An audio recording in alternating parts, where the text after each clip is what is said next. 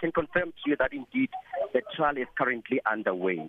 Uh, two witnesses were called uh, to give their uh, the their side of the story. As I as I speak, as we speak now, the trial is currently underway, and uh, the, the the second uh, uh, witnesses is on the stand. You know, uh, he's one of uh, one of the uh, tenants of uh, one of the women who was allegedly killed by the accused, Temba Dube, who originally comes from uh, the from Zimbabwe. I can tell you that Sakina, what came out in court today.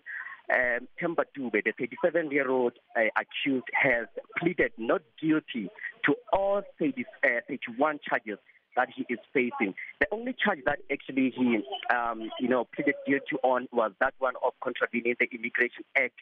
But he, he later made a U-turn saying that he made an error on that particular charge when he pleaded guilty and that uh, he, he was actually in South Africa um, after you know applying for asylum seeker uh, for asylum um, as, as as as a Zimbabwean national.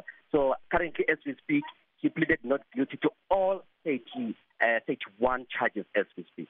So, just a final question: How was he then linked to all of these murders, uh, uh, Koketso? Yes, um, you know, he was linked with this uh, uh, through the cell phone of one of the women who were, who were killed uh, in 2021. Uh, the name of the woman is Sarah Mutiba. Uh, apparently, uh, this man, um, Dube, used the cell phone of the victim, and uh, he was, you know, calling the victim's family to demand a ransom so that he can, you know, release her.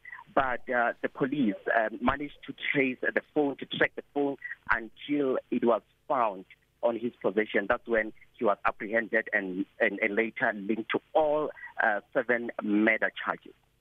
Koketso, thanks so much for the update. Koketso Motao is our reporter in uh, the Polokwane um, Magistrates Court.